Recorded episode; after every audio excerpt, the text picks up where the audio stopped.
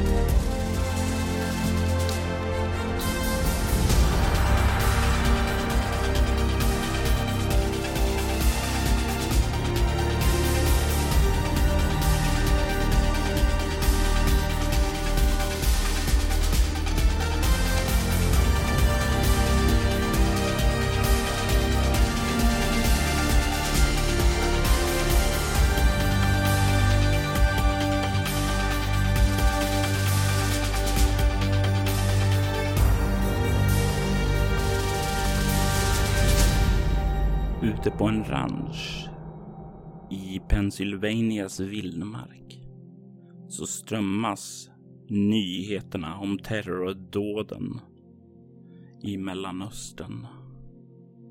Det syns bilder från satellitkartor från det där tillfället. Ja, kontinenten förvandlades till ett radioaktivt ödelandskap. Mängden av förlorade människors liv är ju fruktansvärd. Och det är ju inte mycket annat som strömmas på nyhetssändningarna just nu. Det är fortfarande färskt. Ingen vet vem som ligger bakom. Men givetvis så pekas det finger. USA är inte längre den stormakt som den en gång var. Den förlorade mycket av sin ställning i världspolitiken i samband med att de ganska offensivt satsade på transhumanismen, cybernetik, när det var på uppgång. Men när det slog fel och transhumanismens uppgång vändes till ett fall, ja, då förlorade de mycket av sin ställning. Många investeringar gick i botten. Men gamla groll lever kvar. Gammal politiskt spel har satt spår i andra länder. I de här diskussionerna om vilka som kan ligga bakom så pekas det förstås finger. Vissa menar att USA har haft ett finger med i spelet. Att det är någon form av Black Ops-styrka. För det här är någonting som USA skulle ha kapaciteten till att göra. De har fortfarande en stark militär och det finns många som har blivit brända av den amerikanska politiken. Och den konservativa amerikanska nyhetskanal som strömmar just nu så avfärdas ju att USA skulle vara involverat som befängt. Det är definitivt inte vad Amerika står för. Och att någon ens kan tro det, ja, det är ju fruktansvärt okunnigt. Catherine, du befinner dig i ditt hem när den här nyhetssändningen pågår. Vad håller du på med för tillfället? Jag står just nu och eh, förbereder mig för kvällsmaten och det skulle bli någon form av eh, stekt eh, kött men just nu så är jag så fokuserad att jag liksom glömmer bort det och nästan bara stirrar ut genom fönstret men jag försöker ta in vad de pratar om på nyheterna. Det är helt, ja, bortom allt jag kunnat tänka mig skulle kunna hända. Så det blir nog en plötslig, oj, eh, just det, vända på sig, ja, oh, det är lite bränt, men det går att äta. Det är, åh, oh, gud. Medan du tar hand om maten där, börjar försöka rädda vad som räddas kan, så fortsätter ju diskussioner. Det är väldigt uppeggad stämning där, folk som diskuterar fram och tillbaka eh, försöker finna andra som kan ligga bakom det här, andra misstänkta. Ja, det kommer ju upp både Kina och Ryssland där som anklagelser riktas emot. Catherine, eh, vem är du egentligen som står här nu och lyssnar på de konservativa nyheterna medan du försöker rädda maten som har blivit lite småbränd? Jag är en kvinna som är eh, ganska alldaglig. Eh, skulle inte säga att man sticker ut. Med långt hår som är uppsatt i en hårknut för tillfället. Ja, jag driver en hästranch, eh, men det är ju inte mitt huvudsakliga jobb med tanke på att jag har en häst som är lite mer av en kompanjon än en eh, ranchdrivande häst. Jag är en forskare som håller på med parasitologi. Andra skulle väl säga att jag är en doktor inom parasitologi, men det skulle inte jag säga om mig själv faktiskt. Ja, du har ju en väldigt eh, lång erfarenhet eh, av just ditt ämne parasitologi, men även av virologi. Du har ju ett kunnande som verkligen har utmärkt dig inom den akademiska världen. Alltså du är ju ett erkänt namn på det här området. Ja, men det skulle hon inte riktigt prata högt om med andra, för det var inte så det var tänkt att hennes liv skulle gå. Det har varit väldigt mycket saker fram och tillbaka inom hennes historia som har fått henne att hamna i den här positionen. Men det var absolut inte hit hon ville, så att det är inte det hon tar upp först om sig själv, så att säga. Är hon missnöjd med sitt liv? Är det någonting hon ältar väldigt mycket eller hur är hon till sinnet? Uh, hon... Jag vet inte om man skulle säga missnöjd, men hon uh, hade en annan tanke om sitt liv. Hon hade en annan tanke om vart hon skulle hamna, att hon skulle ha familj och ja, ett, ett annat sorts liv som var lite mer tradition, traditionsenligt. Inte att hon skulle bo uh, ogift och ensam på en ganska tom ranch och med ett sånt här jobb som hon tänker inte är för henne utan det skulle ju vara för kanske hennes man då hon, har ju ingen man men det är hennes tanke att det var inte alls så hon vill ha det. Det är inte det att hon inte tycker om sin utbildning eller det hon jobbar med som forskare, det hon forskar om. Det är väldigt intressant. Men varje gång hon känner att åh, jag är så, det här är jätteintressant, så samtidigt känner hon en viss skam. Så det är ett väldigt konstigt liv hon lever just nu. Hon trivs väldigt bra här ute på ranchen dock, så att när hon väl är här så känns det ändå okej. Okay. Det är lite grann som du flyr från vardagen eh, när du kommer ut hit. Kan komma undan lite tankarna därifrån. Och samma sak som när du befinner dig inne i labbet och gör ditt arbete. När du är där så är du väl också väldigt fokuserad på det. Ja. Det är just de här stunderna mitt emellan som kanske är jobbiga. Det är när hon ska prata med folk om det och sådär. Och hon får lite så här, hon förklarar saker. Visst, hon förklarar det väldigt bra, hon är väldigt fokuserad och väldigt så här, men efteråt så är det verkligen Ja, eller varför ska de ens lyssna på mig? Varför? Oh, ah, ja, liksom.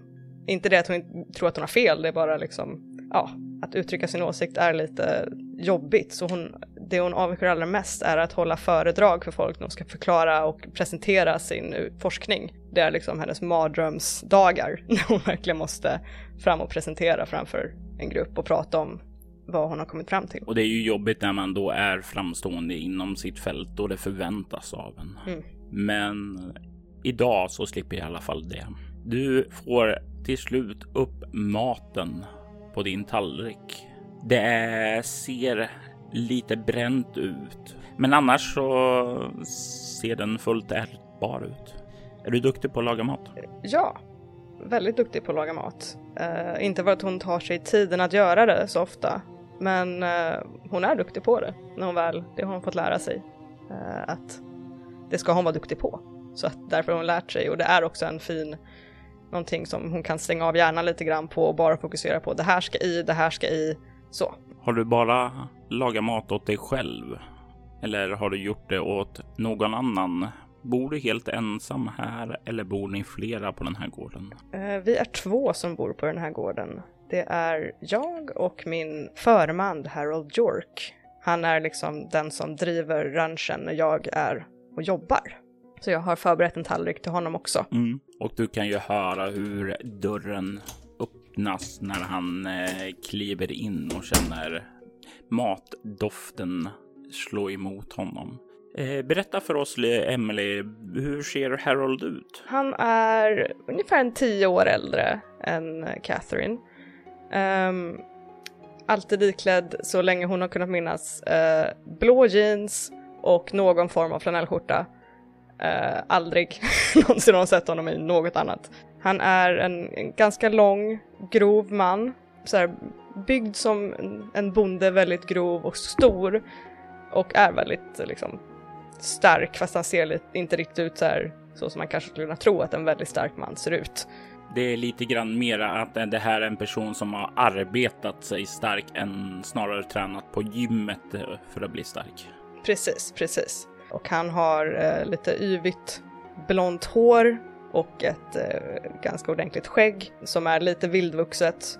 Men han försöker alltid att platta till håret lite när, när Catherine är där. Men eh, det går sådär. Han hänger av sig jackan där ute, borstar av sig snön, för det är ju kallt just nu. Det är ju i Pennsylvanien och eh, snön ligger ju där ute. Det är ju uppskottat och sådant under Ja, det är ju så att Harry har skottat upp gångar och ner till vägen och sådant, så det går ju att röra sig utan större problem och sådant. Och det har inte varit något stort snöfall på sistone heller, utan det finns lite snö och eh, det är väl framför allt kallt där ute. Han inandas dofterna en gång till och säger Åh, oh, det luktar gott, Miss Wagner. Ja, det, det blev ganska bra till slut faktiskt. Um, jag har lagt det mindre brända på hans tallrik.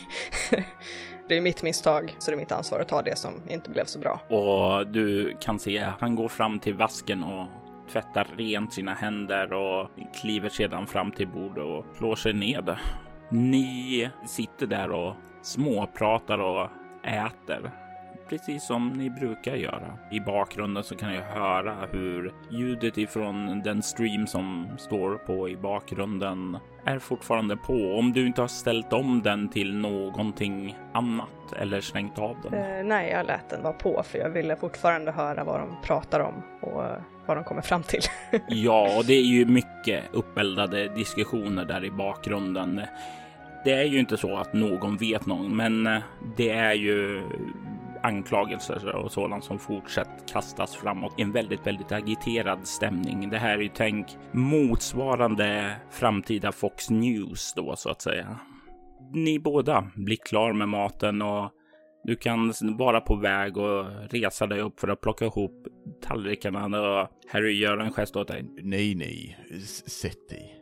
Jag tar disken idag. Uh, uh, jaha, ja, ja, ja, ja, om du insisterar så såklart. Ja, jag insisterar faktiskt. Så säger han och reser sig upp med ett leende och plockar sedan din och sin tallrik och börjar gå bort till diskon och dra upp vattnet där. Ni har ju en eh, ganska stor sån här diskmaskin och skulle kunna köra saker där, men det är ju sällan att den här riktigt stora diskmaskinen är, blir så full om man ska köra den. Så det går, är ju oftast lättast att bara diska allting nu när ni är bara två. Ja, jag sätter väl på kaffet, säger jag och går och startar lite kvällskaffe. Ja, och du har just hällt upp den och trycker igång den. Du hör det här liksom sprakande ljudet ifrån den. Då du plötsligt ser och hör hur allting bara... Då strömmen dör. Oh och allting blir mörkt. Igen? Ja, jag trodde jag hade fixat generatorn där ute. Jag ber så hemskt mycket om ursäkt, Miss Wagner. Jag vet inte riktigt vad som hänt.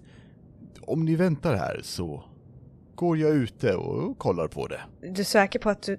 Nej, du, du klarar det själv. Ja, jo, det, det är klart. Du kanske kan starta en eld här så vi får upp värmen? Jag menar om det är något större fel så kommer vi behöva få upp värmen och är det ett mindre fel, ja då, då får vi en mysig brasa istället. Ja, det, det är sant. Jag går till eh, vardagsrummet och börjar påta i eh, eldstaden och försöker få igång en brasa.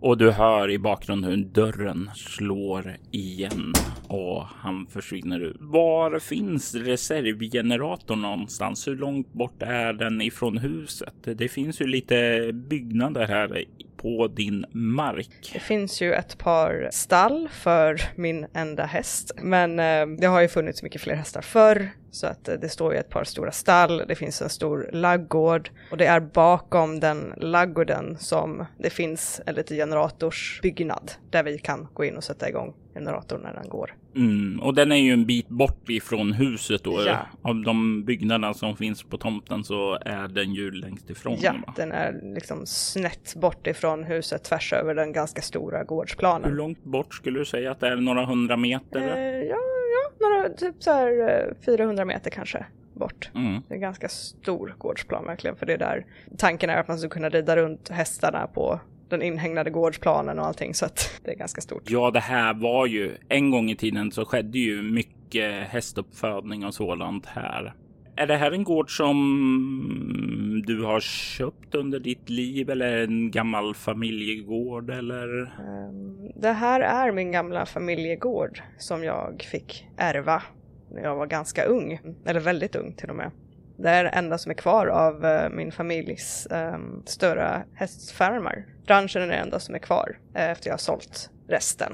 Och din familj hade ju ett ganska stort imperium skulle man nästan kunna säga inom den här industrin. Faktum var att när du sålde av allt det där så eh, resulterade det i att du sattes på den ekonomiska kartan här i USA eftersom du blev en av de mest förmögna personerna i hela Ja, men det USA är på inget, grund av det. inget jag pratar högt om det heller. Man ska dels inte skryta om ens inkomster eller ens förmögenheter och dels eh, så beter sig folk så otroligt annorlunda när de vet att man har pengar. Så jag tror de flesta vet namnet, mitt namn, Catherine Wagner, men de vet inte riktigt vem jag är om jag inte tar upp det. Och om de skulle veta vem du är så vet de med högsta sannolikhet inte vem du egentligen är, utan det är fördomar och tankar och föreställningar om vem du borde vara. Precis. Du har ju ett par få såna här familjevänner kvar som hade starkare band till er familj där. Men eh, i- det är väl kanske inte så att de är så väldigt starka. Jag får inte intryck av att du har velat uppehålla dem så mycket utan mer hålla dig för dig själv. Eh, De skickar mig julkort och sånt här och jag skickar inte egentligen något tillbaka. Eh, De hör av sig till mig. Jag hör inte av mig till dem. Så kan man väl säga. Men jag svarar när de ringer och, och sådär. liksom. Mm. Du får igång en eld. Det börjar spraka i den välbehagligt. Du känner värmen där. Det börjar kännas mysigt och trevligt. Det har gått 15 minuter sedan Harry kom ut och vandrat bort. Det är inte lång tid i sig för det är en del att pulsa och dra fram och sådant där. Så medan du väntar på att han ska få igång något eller eh, höra av sig så att säga. Vad gör du då? Tror att jag eh, mest eh, sitter där framför brasan för det är ganska kallt. Det Börjar redan bli ganska kallt på grund av kylan utifrån och det är en del ehm, större fönster här på nedervåningen. Ehm, så jag sitter mest framför brasan och bara gnider händerna och liksom väntar. Jag tycker inte riktigt om att vandra runt när det är mörkt och, och sådär. Jag tänker att du ska få slå ett slag här. Ett lätt slag med antingen ego plus stridsvana eller kropp plus obemärkt. Um, jag kör kropp plus obemärkt där. Um, eh, nio fick jag på det.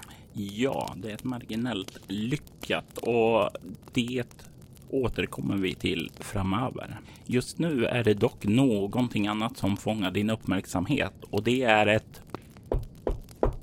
det knackar på din dörr. Väldigt förvirrad stirrar jag liksom mot dörren för att vi är ju väldigt långt bort. Så jag vet inte riktigt vem som skulle, men jag börjar röra mig ditåt i alla fall. Du säger att du är väldigt långt bort. Eh, Hur långt går det till själva huvudvägen som eh, går där nedanför som man svänger av från för att komma upp till ert ställe? Det tar ju i alla fall en 20 minuter med bil i alla fall att ta sig ut från huvudvägen och det är ändå liksom en bra bit man kör ut på huvudvägen för att komma till oss. Så att det är inte så att man åker ut till oss av en slump utan det är oftast man har en tanke med att åka ut. till oss. Mm. Så det är en väldigt så här, att dyka upp o, oannonserad är väldigt för, förvånande för, för mig. Du kommer fram till dörren. Öppnar du den eller har du något titthål? Hur ser Det är liksom en väldigt klassisk ranchdörr med eh, liksom eh, trädörr med ett litet glasfönster som har lite gardiner fördragna typ. Och jag jag bara öppnar dörren. Du kan se där på andra sidan hur det står en man klädd i en alldeles för tunn jacka.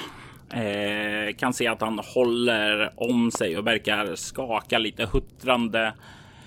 Du får väl känslan av att ja, vad har du i humaniora? Eh, humaniora... Jag har ingenting i humaniora. Då får du en känsla av att det här verkar vara en man som lever i storstaden. Han är inte klädd för vildmarken här. Du kan se att han är, ja, är lite grann av Ja, ser ut som en arbetare han också. Eh, ganska grov byggd så där. Ser dock inte ut supertränad. Klädd i ganska casual kläder. Ja, han har ett par glasögon eh, och eh, lite vildvuxet skägg och du kan ju se att det har blivit lite så här rimfrost i det här skägget då också. Du kan se han står där bara. Eh, eh, ursäkta, ursäkta. Eh, God kväll. Ja, jag, min bil stannade nere på vägen. Jag, jag, jag, På huvudvägen eller på vår väg? jag, jag skulle till Andersons eh, gård och jag, jag måste ha tagit någon, någon väg fel och, och du känner ju till Anderson. Eh, det är ju en annan gård här i trakten och den är ju. Man viker av från huvudvägen och sen så är det ju ja, några kilometer vid en korsning. Ena leder till er gård och den andra leder till Anderson. Han har uppenbarligen tagit fel väg och befinner sig några kilometer off eh, hans eh, destination. Oj, okej. okej. Um, ja men kom, stig på, stig på. Tack, tack, tack, tack. tack. Eh, Jag leder honom till brasan. ta, ta av dig skorna först, men ehm, följ med här. Och han tar av sig skorna och kliver sedan in väldigt lydigt fram till elden där och han tack, tack, eh, ställer sig och huttrande står och värmer sig framför den. I- ingen orsak. Ehm, jag skulle låna dig telefonen men eh, vi har ingen ström för tillfället. Eh, Jag, jag såg eh, ljuset när jag var på väg hit och sen, sen bara försvann det. Är det något strömavbrott jag, här eller? Ja, eh, jag ser lite obekväm ut så här, förklara någonting för en, en, en man så här. Eh, ja, ibland när det är så här kallt så kan inte riktigt eh, generatorn hänga med, ehm, som du nog vet. I- jag, jag kan inte så mycket om det där. Jag, jag, jag, är bara glad att det finns, det finns någon här. Jag vet inte, annars hade jag nog frysit ihjäl där ute i kylan. Ja, nej, det är osedvanligt kallt just nu. Det är det inte, men jag bara så här småprat. Hur gör man det här? Och eh, som sagt var, det blir så här, det lägger sig en tystnad. Han eh, står liksom där och kollar lite åt dig, kollar, värmer sig åt elden, vet inte riktigt vad han ska säga och du vet inte heller vad du ska säga och det blir en sån här liten pinsam tystnad. Eh, jag ska kolla vart, eh, hur det går för Harry. Han håller på att eh, få igång generatorn. Sitt du här så eh, går jag och kollar på det. Eh, Harry, är det din man? Åh nej, nej, nej, nej, nej, nej, jag är ogift. Det, det är min eh, förman för gården. Ah, ja, ja, ja, för, förlåt, förlåt, det var inte... Ja, är okej, jag, jag stannar här. Gör, gör det. Ta av dig jackan, den, du har väldigt mycket snö på den och du, håll dig torr. Eh, och jag börjar gå för att klä på mig vinterkläder, vinterjackan och mössa och, och hämtar upp en, eh, en ficklampa så att jag ska kunna se ordentligt när jag ger mig ut i, i snön. Vad har du i överlevnad? Jag har sex i överlevnad. Att röra sig ute i vildmarken är ju definitivt ingenting som är något problem. Du är ju van med det och du har en väldigt god hand med djur. Som du sa tidigare, du hade inte riktigt sett karriären som forskare framför dig, utan du hade något annat du hade planerat att bli, eller hur? Jag ville jobba, eller jag jobbade som tränare för tävlingshästar och det var det jag ville göra. Det var någonting jag verkligen tyckte om att göra. Um, men uh, en, en väldigt otrevlig olycka hände och uh, den karriären blev stängd för mig. Var olyckan ditt fel? De som eh, ägde det stället som jag jobbade på som tränare vidhöll att det var mitt fel. Det var en väldigt snabb olycka som skedde. Jag kommer inte riktigt ihåg, så det var väldigt svårt för mig att försvara mig själv. Jag ville säga att det inte var mitt fel, men eh, de tryckte på att det var väldigt mycket mitt fel och jag var inte, eller är inte en, fortfarande inte en väldigt bra konfliktmänniska. Så det var lättare att bara buga och tacka för mig i den eh, kretsen. Du kliver ut eh, välklädd. För till skillnad från stadskillen där inne så har du ju koll på hur man bör klä sig för att röra sig utomhus utan att bli nedkyld. Du kan se på den upplogade vägen fotspår som leder bort emot lagården. Eh, du har inga problem att se var Harry har gått någonstans. Jag följer dem stegen. Du börjar komma närmare till äh, lagården och du kan ju se att dörren står öppen där och att han verkar ha rört sig in där för att antagligen hämta mer olja och sådant till reservgeneratorn innan han gått ut där på baksidan istället för att gå runt och kolla direkt. Harry? ropar jag och uh, kikar in. Du kan se ett vagt sken längre in när du tittar in. Ett litet kallt blått sken från någon form av display eller sådant som verkar lysa där inne. Men det är för långt in för, och lite för lite ljussken för att riktigt se vad det är här ifrån ingången. Ditt rop på Harry, det får inget svar. Mm. Jag eh, går in för att kika på vad det här ljuset är, för vad jag minns så ska det inte finnas någon display här inne. Nej, och när du kommer närmare där och lyser bort däremot så kan du se att eh, Harry är där. Han sitter på en stol.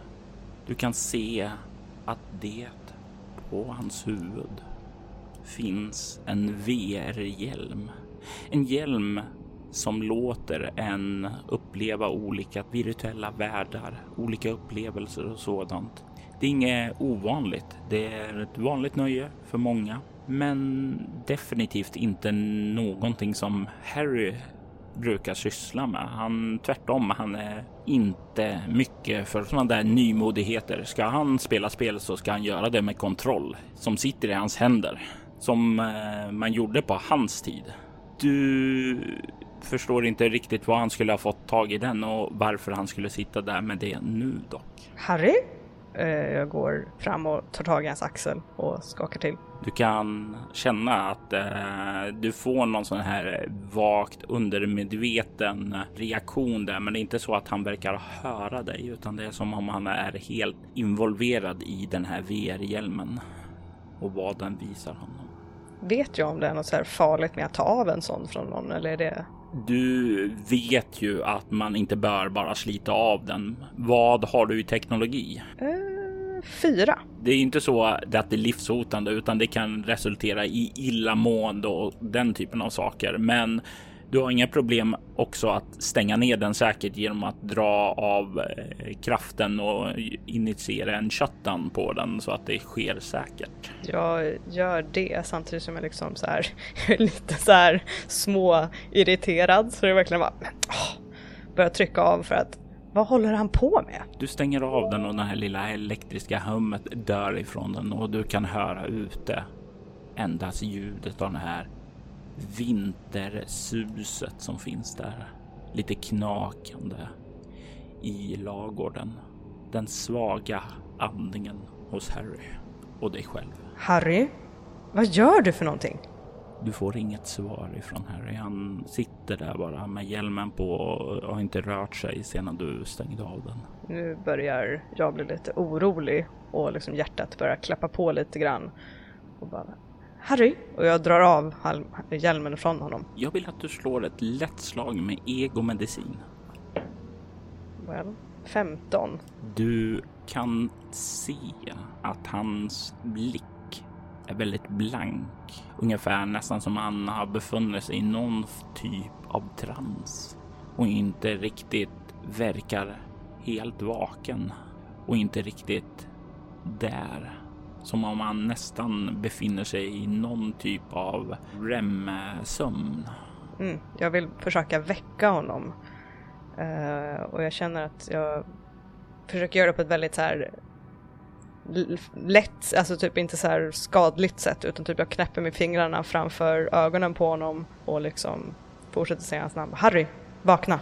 Du knäpper framför hans ansikte. Vad har du i medicin? Medicin har jag eh, sex och jag har också lite extra på att diagnostisera folk. En specialisering i det här fallet ger dig plus två till ditt värde. Så då har du åtta. Du kan ju se att han fortfarande verkar vara i trans när du fortsätter och knäpper det där. Du tar till ditt kunnande för att liksom göra det här, få hans uppmärksamhet, sakta väcka honom. Du ganska snabbt konstaterar att han borde vakna av det, men han verkar finnas kvar där. Det är som om hans sinne är inte riktigt kvar, som om ljusen är tända, men ingen är hemma. Åh oh, nej, åh oh, nej, åh oh, nej. Uh, jag tar av min uh, yttre lagerjacka och liksom uh, sveper om honom och stänger om honom för att hålla honom varm. Jag tänker att jag kanske är i chock på något sätt. Mm. Okej, jag måste få igång strömmen och sen få in honom. Eller få in honom först. Oh. Jag tänker låta dig här slå ett skräckslag med utstrålningen just för att se honom så av, avskuren borta. Eh, och jag låter dig eh, välja mellan ett omskakande eller chockartat beroende på hur starkt du upplever din relation med Harry vara. Jag skulle nog säga chockartad i så fall. Mm.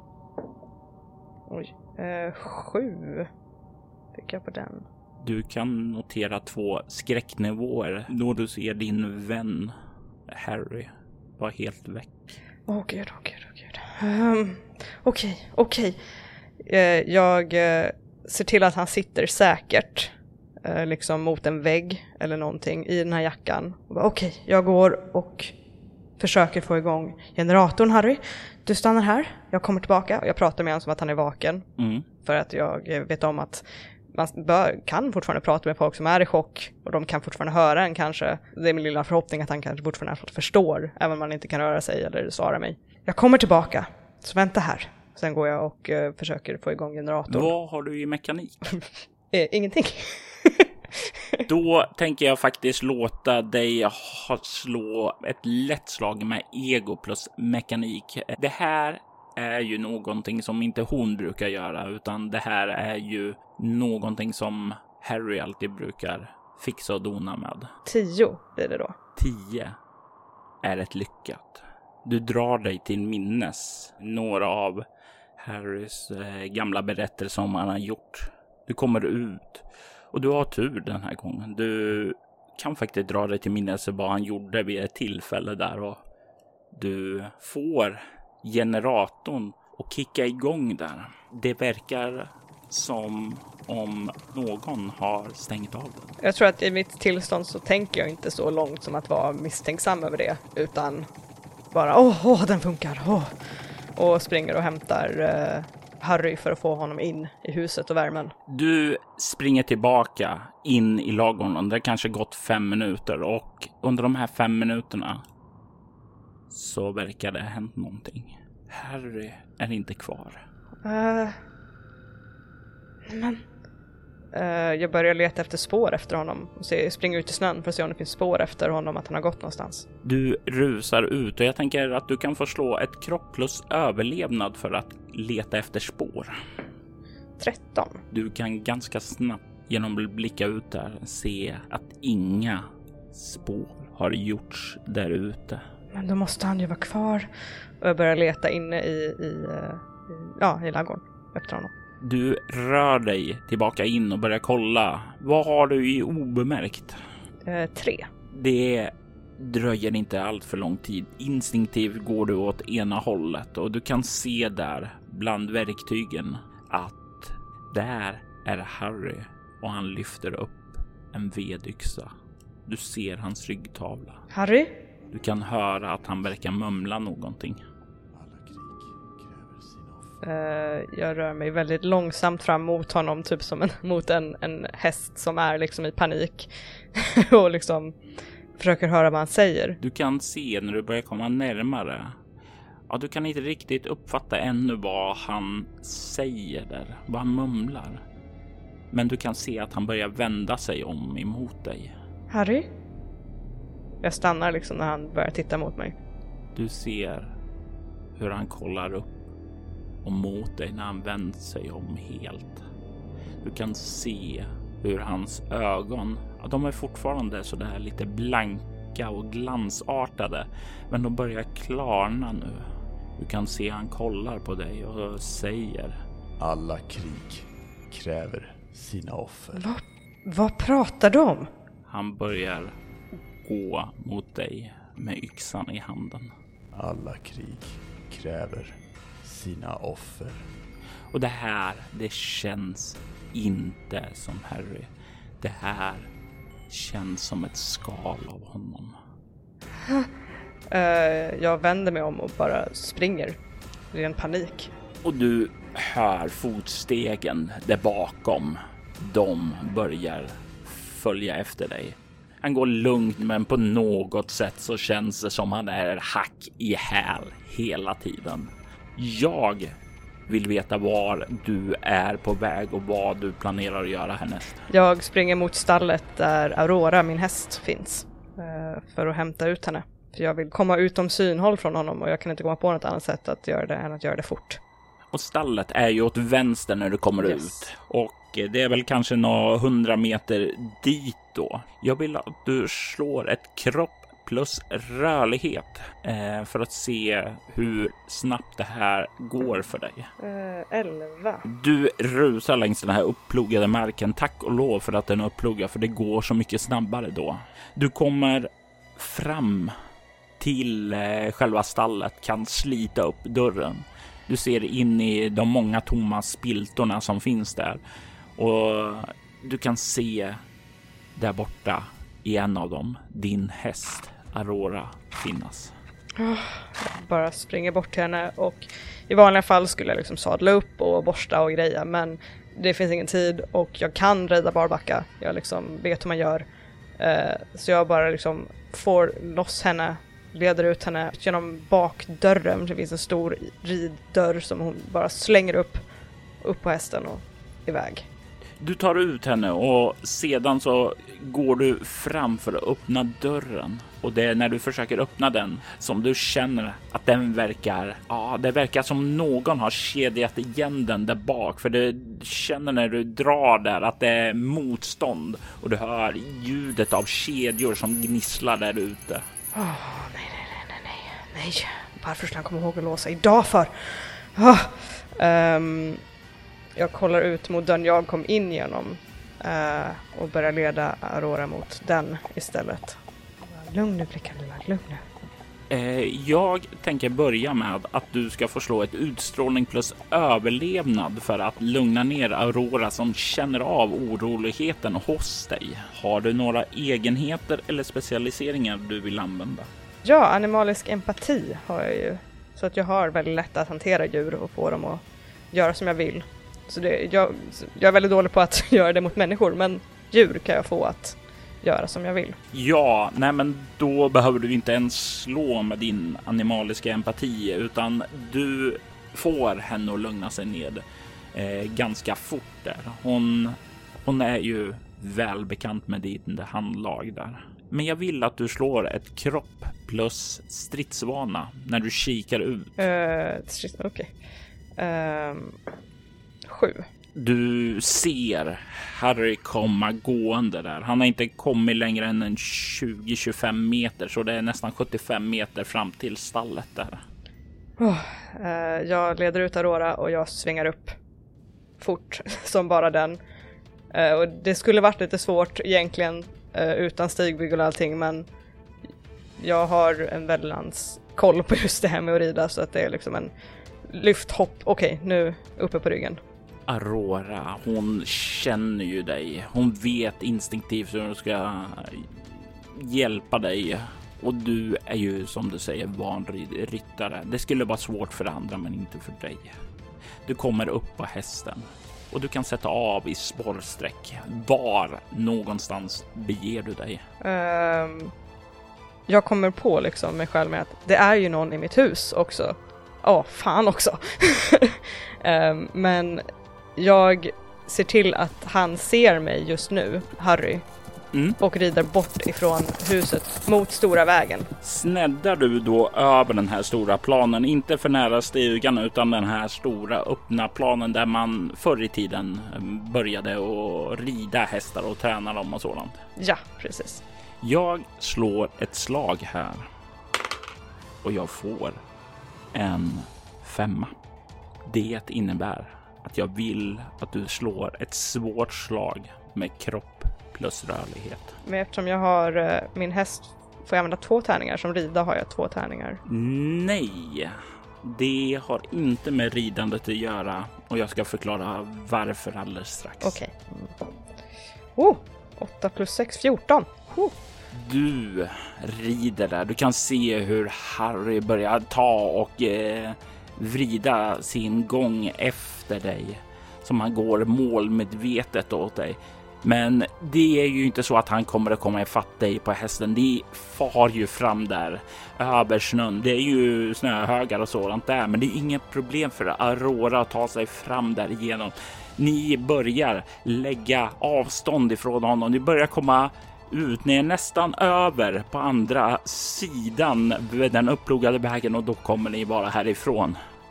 Det är då som ljudet av ditt gamla jaktgevär hörs och i nästa ögonblick så hör du det plågsamma skriet ifrån Aurora då hon far omkull efter att ha blivit träffad och du far framåt och landar. Inte på marken utan du landar på snödrivan längre bort där.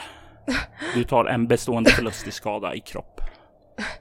Jag tror jag ligger i snödrivan ett par sekunder och verkligen bara så här känner hur allting gör ont. Och lite för mig själv försöka diagnostisera vad jag har skadat liksom. Du har ju falla, det är ju mer fallskador än landningen där, så var är det du känner att du har blivit skadad mest? Eh, jag känner att det är, jag landade liksom på rygg. Så att det är verkligen en så här väldigt dov, dunkande smärta i ryggraden. Men jag känner att det är inte att den är bruten, men det är väldigt, liksom, att jag kommer vara öm en lång tid framöver. Och jag sätter mig liksom långsamt upp ah! och försöker kolla hur, hur det är med Aurora och tittar bort. Du kan se att hon ligger där och sprattlar och det blöder ymnigt ifrån hennes bakre ben där hon blivit skjuten uppe vid kroppen uppe mot svarande där människor skulle kalla för höften. Du kan se att hon plågsamt eh, försöker sprattla och komma upp du kan se in i hennes ögon, hennes livrädda, hennes eh, panikfyllda ögon. Du kan också med din överlevnad och ditt hästkunnande att se att hon Ja, det är inte en livshotande skada i sig, men det här skottet var avsett för att neutralisera det som flyktväg. Det verkar vara ett skott som är gjort av någon som vet vad den gör. Jag eh, försöker se mig om vart det här skottet kan ha kommit ifrån. Vad har du i stridsvana? Ingenting. Slå ett ego plus stridsvana. Ett lätt slag. Uh, då blir det fem plus tre, alltså åtta. Vill du spendera en bestående förlust i ego för att få reda på varifrån det kom. Ja. I så fall drar du dig till minnes. Det lät som din fars gamla jaktgevär och det är ju i din stuga. Det måste ha kommit från huset. Då börjar jag inse för mig själv att, att det måste, finns ju bara en annan person i huset vad jag vet om i alla fall. Och jag börjar tänka några steg framåt att han måste tagit sig hit. Han sa att han kom i en bil som hade gått sönder. Den kanske inte har gått sönder så jag börjar se mig om. Ställ, jag ställer mig upp och börjar liksom röra mig bort mot stora vägen för att se om jag kan försöka hitta hitta en bil, hitta en annan väg ut. Du börjar röra dig ner längs vägen. Det finns ju tack och lov bara ett ställe att röra sig eh, om man ska till och från dig och det gör ju att du har lättare att hitta fram. Det är bara att röra sig längs den här vägen eh, och du kan i ficklampans sken snart ana då längre fram att det verkar stå en bil där. Jag, eh, så fort jag bara kan, halta mig fram mot den för att se om jag kan, om den är öppen, om den är trasig. Du känner på dörren och den verkar vara låst. Är det, en, är det en eh, mekan, är det så här ett gammalt billås, är det en gammal bil eller kan det tänka sig vara en bil som är lite mer eh, teknologiskt avancerad? Det, det är ju bilarna nu för tiden är ju ofta kopplade till ens RFID-chip. Det är ju det som är nycklarna. Man eh, går fram till den så öppnar den automatiskt och sätter sig i det så initieras det ju genom chippet och sådant där. Så det är ju mycket mycket är ju, alltså man stjäl väldigt sällan en bil eh, nu för tiden, utan det är mer man hackar bilarna då snarare. Ah. um. huh jag tror inte att jag är en, en, en, bilhackare, tyvärr. Vad har du i teknologi? Fyra. Skulle ju inte säga att du är en bilhackare i sig, men med lite tid och lite bättre omständigheter skulle du nog kunna klura dig in i själva bilen där nu. Mm. Men det är ju inte riktigt det som är läge för nu. Nej. du kan dock se in i bilen att det verkar eh, ligga en eh, ryggsäck i bakre delen av bilen. Du kan ana också att eh, det verkar finnas en karta där inne också och någon typ av fil. Mm. Jag skulle vilja ta mig in i bilen, men det blir väldigt, väldigt svårt. Um, jag har inget, jag har bara en ficklapp med mig så jag kan inte riktigt så här, förstöra någon, fönstret på den här bilen. Um, shit. Jag tror att jag börjar snubbla mig längs med vägen helt enkelt och försöker ta mig så långt jag kan. Och jag börjar röra mig mot um, Andersons hus. Jag vet att det är flera kilometer dit men jag är välklädd. Jag vill, jag kan i alla fall försöka. Jag ser inte någon annan väg att gå när det finns en galen man med en gevär och en annan galen man med med en yxa. Du börjar röra dig dit och eh, du kommer några hundra meter bort ifrån din tomt ned längs den här vägen på väg ned mot korsningen. Du kan höra uppe i luften ljudet av en helikopter som verkar på väg emot din gård och den har strålkastare som lyser nedåt där. Vad gör du när du hör den och ser den? Ser det ut, oh, det är väldigt så här, men ser det ut att vara en amerikansk helikopter eller ser det ut som, oh, det är lite svårt, är det någon så här um... Märkning eller sådant på den? Ja, precis, precis. Du kan antingen få slå ett lätt slag med ego samhällsvetenskap eller ego plus stridsvana. Jag tar samhällsvetenskap, det blir ungefär samma, men eh, nio. Du kan skymta någon form av markering på helikoptern, men det blåser och det är svårt att se. Fokuserar du ditt sinne och försöker särskåda det och lugna ner nerverna nog för att liksom kunna ta den här få sekunder och bara eh, lugna ner sig, koncentrera sig, kolla och göra det klart. Det vill säga, vill du ta en bestående förlust i antingen utstrålning eller kropp för att identifiera helikoptern? Vi tar det i kropp så jag liksom kisar emot snön och vinden och får liksom väldigt mycket tårar i ögonen men jag verkligen försöker. Du kan se att den har en markering. Det har en markering som tillhör Senator Clara Oakley. En person som klingar bekant till dig. Hon är i 65-årsåldern, arbetar som senator och hon är en vän till familjen. Hon tillhör de där som brukar skicka julkort till dig, men som inte får några svar.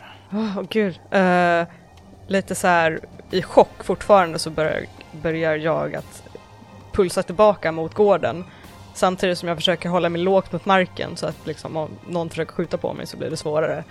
Men jag känner att okej, okay, det här är min enda, enda väg härifrån. Det här är någon jag kan lita på. Även om jag inte förstår varför de är här, vad, vad hela den här grejen är, så instinktivt känner jag bara där, hen, dit måste jag. Du vänder om och börjar röra dig tillbaka och innan du ens kommer i närheten av gården så ser du honom.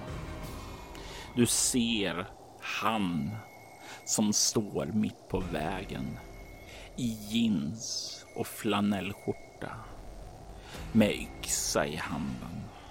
Du ser Harry stå där och vänta på dig. Han rör sig inte och han har inte jackan kvar längre på sig. Kan se hur hans hy har börjat ta stryk av kölden. Men han verkar inte bry sig om det. I alla fall inte så att det syns märkbart. Jag... Eh, har han ögonen på mig? Ser han mig? Han verkar stå och spana ned längs vägen, men han verkar inte ha sett dig ännu. Då försöker jag att smyga förbi honom i snön. Eh, och inte på vägen, men försöker ta mig förbi så han inte ska se mig när jag försöker komma tillbaka. Och jag gissar att du har stänger av ficklampan när du gör detta. Ja. Du kan slå ett motståndslag med kropp obemärkt. Vad betyder motståndslag? Det innebär att du slår mot honom och han får minus tre för att han är inte vid sina sinnens fulla bruk just nu. Yes. O obemärkt sa vi. Jajamensan. Du ska komma över 11. Åh oh, nej. Sju. Du rör dig ut på sidan där. Du smyger där tyst, dolt. Det är vad du tror i alla fall. I nästa ögonblick så kan du dock se hur han står framför dig, hur yxan viner uppifrån ned emot dig. Du vet inte var han kommer ifrån. Du vet bara att yxan är på väg emot dig. Jag vill att du slår ett kropp närstrid för att inte få den rätt in i bröstet. Oh. Oh uh, ett. Ett. Japp. Jag säger som så. Du får den inte bara rätt in i bröstet, utan du känner hur den fortsätter, ja, rätt in i bröstet och en bit in i kroppen och det ögonblicket så känner du ditt eh, anatomiska sinne tänka bara nej, inte, inte hjärtat, inte hjärtat, inte hjärtat och den liksom borrar sig djupt in där och fastnar i din bål. Du har nu en yxa mitt i bröstkorgen som sitter fast där. Du tar två bestående förluster i kropp. Oh, vad händer om man har liksom kommit ända ner till noll på kropp? om du kommer ner i noll så kan det resultera i två saker. Det kan resultera i att du dör om det är motståndarens intention. Eller så resulterar det i medvetslöshet. Och här så känner du att du faller bakåt med yxan där i bröstkorgen. Du kan ana genom den här dimman omkring dig som när du börjar glida in i vad som du tror är dödens becksvarta mörker. Du ser Harry stirra på dig och du kan höra hans kalla ord som säger Alla krig kräver sina offer. Och du slår ned på marken med en duns. Du känner hur allting verkar när du börjar vakna upp. Du verkar ligga i en sjuksäng. Du kan se att det är ljus, det sticker lite i ögonen. Det sista du minns är den där kalla snökylan som du befann dig i. Du känner ingen smärta i bröstet längre. Du, men, men, du, du, du hade en yxa där. Va, va, va? Och du kan höra en röst från en äldre kvinna som säger Catherine, är du okej? Okay? Um. Tar handen för där den yxan satt för att känna om lite så här borta om den är kvar. Liksom. Du känner ingen yxa där och faktum är att du känner dig lite öm. Men du känner inget sår. För ett ögonblick så känns det väldigt stark disconnect för dig, men så kickar ju ditt intellekt in och du inser att du måste ha fått medicinsk vård i en nanoteknologisk medicinkapsel. Det är någonting som är rätt nytt här, men det är ju sådant som kan läka nästintill dödliga sår och skador. Det kan bota sjukdomar, cancer och liknande. Och det är ju inte en vanlig sak som är väldigt väl utspritt, utan det är, en, det är ganska ny teknologi. Men det är ju sånt du känner till, för det här ligger ju och angränsar till ditt fält ändå. Och som senator skulle Clara definitivt ha tillgång till det. Långsamt så sätter jag mig upp och öppnar ögonen. Jag är okej. Okay. Fysiskt. I alla fall. Du kan se att den äldre kvinnan som sitter där eh, kollar lite oroligt på dig, men verkar slappna av lite när hon ser att du, är, du sätter dig upp. Vad, vad hände med Harry? Är Harold, är han... Harold är inte återfunnen. När mina män fann er så flydde han. Mina män prioriterade att rädda ditt liv precis som jag bett dem om. Det, då får jag tacka. Verkligen, Klara. Mannen i stugan är dock död. Vi försökte gripa honom men han tog en cyanidkapsel och vi hann inte stoppa honom innan det var för sent. Vem var han? Var, var, varför kom han till mitt hus? Det är en mycket lång historia, men jag gissar på att du inte undgått nyheterna om terrordådet i Mellanöstern. Bomberna, menar du? Mm, det pekas finger mot USA och... Jag vill inte tro det, men det kan finnas en viss sanning i de här anklagelserna. Jag har sett saker som jag helst skulle sluppit se för de oroar mig, Catherine. Det oroar mig djupt. Det sker saker i det fördolda. Trådar som dras och marionetter som sprattlar. Och jag tror att en av dessa marionettmästare finns i senaten. Jag fick underrättelserapporter om att någon vill se dig död. Mig? Ja. Jag tittar upp på henne som, ursäkta? Jag har ingen aning om varför, men jag visste att jag ville skydda dig. Vi kanske inte talar lika mycket som vi gjorde en gång i tiden, men jag minns hur det var förr. Jag minns det som ung innan din olycka och även hur dina föräldrar stöttade mig då. Det minsta jag kan göra nu är att återgälda tjänsten. Jag tittar bara bort ifrån henne och är väldigt, väldigt förvirrad och det är liksom yr. Även om vi här i USA inte aktivt har involverat oss i sökandet av terroristerna så finns det andra som har gjort det. Det finns en grupp som kallar sig för Alliansen. En grupp som strävar efter att ta reda på vilka som ligger bakom detta.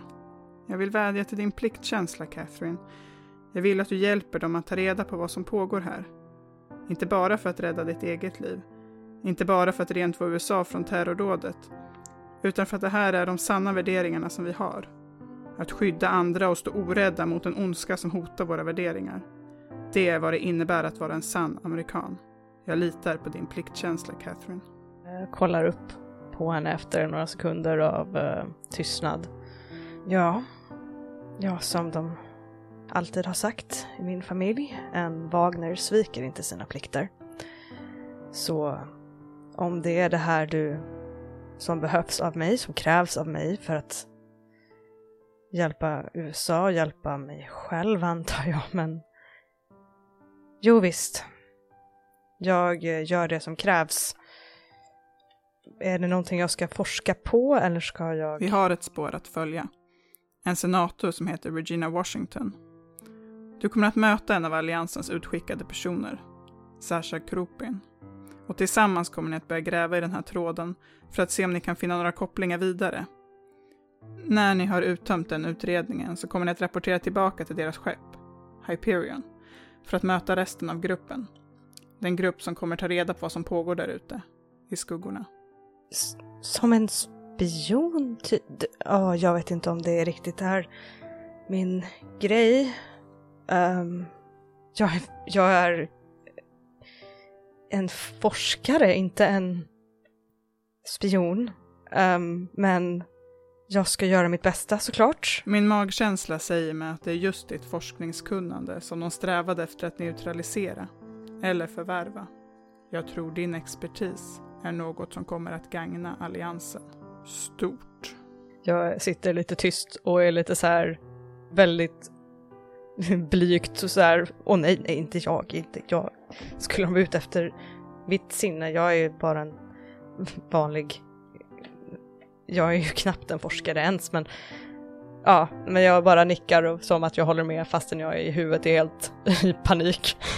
Du känner där den här känslan återigen komma. Den här känslan av att inte vilja stå i centrum, att hata och behöva redovisa och sådant där. Det är en liten sån där klump i magen. Du må inte själv se att du är någonting speciellt. Men någon verkar tycka att du är väldigt speciell. Någon verkar vilja se dig död eller någonting ännu värre. Du får några dagar att återhämta dig innan du skickas iväg för att möta upp Sasha och påbörja ert nästa fall. Det är vad som blir starten på vad som i framtiden kommer vara den legendariska berättelsen om de ikoniska hjältarna. De ikoniska hjältarna som stoppade det globala hotet som svepte över världen under terrorns år. Detta var Gemas födelse och detta kommer bli berättelsen om skuggstaten.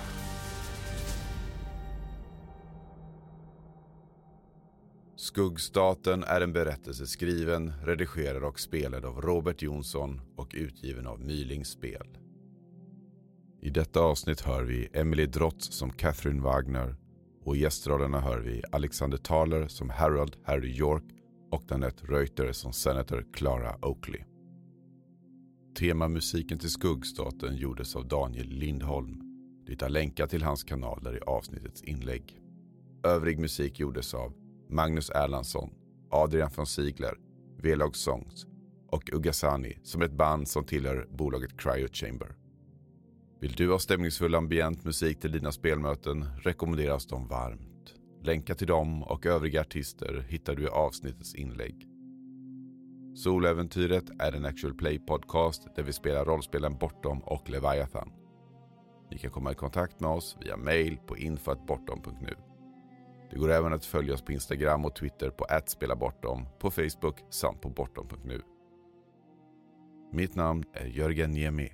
Tack för att ni har lyssnat.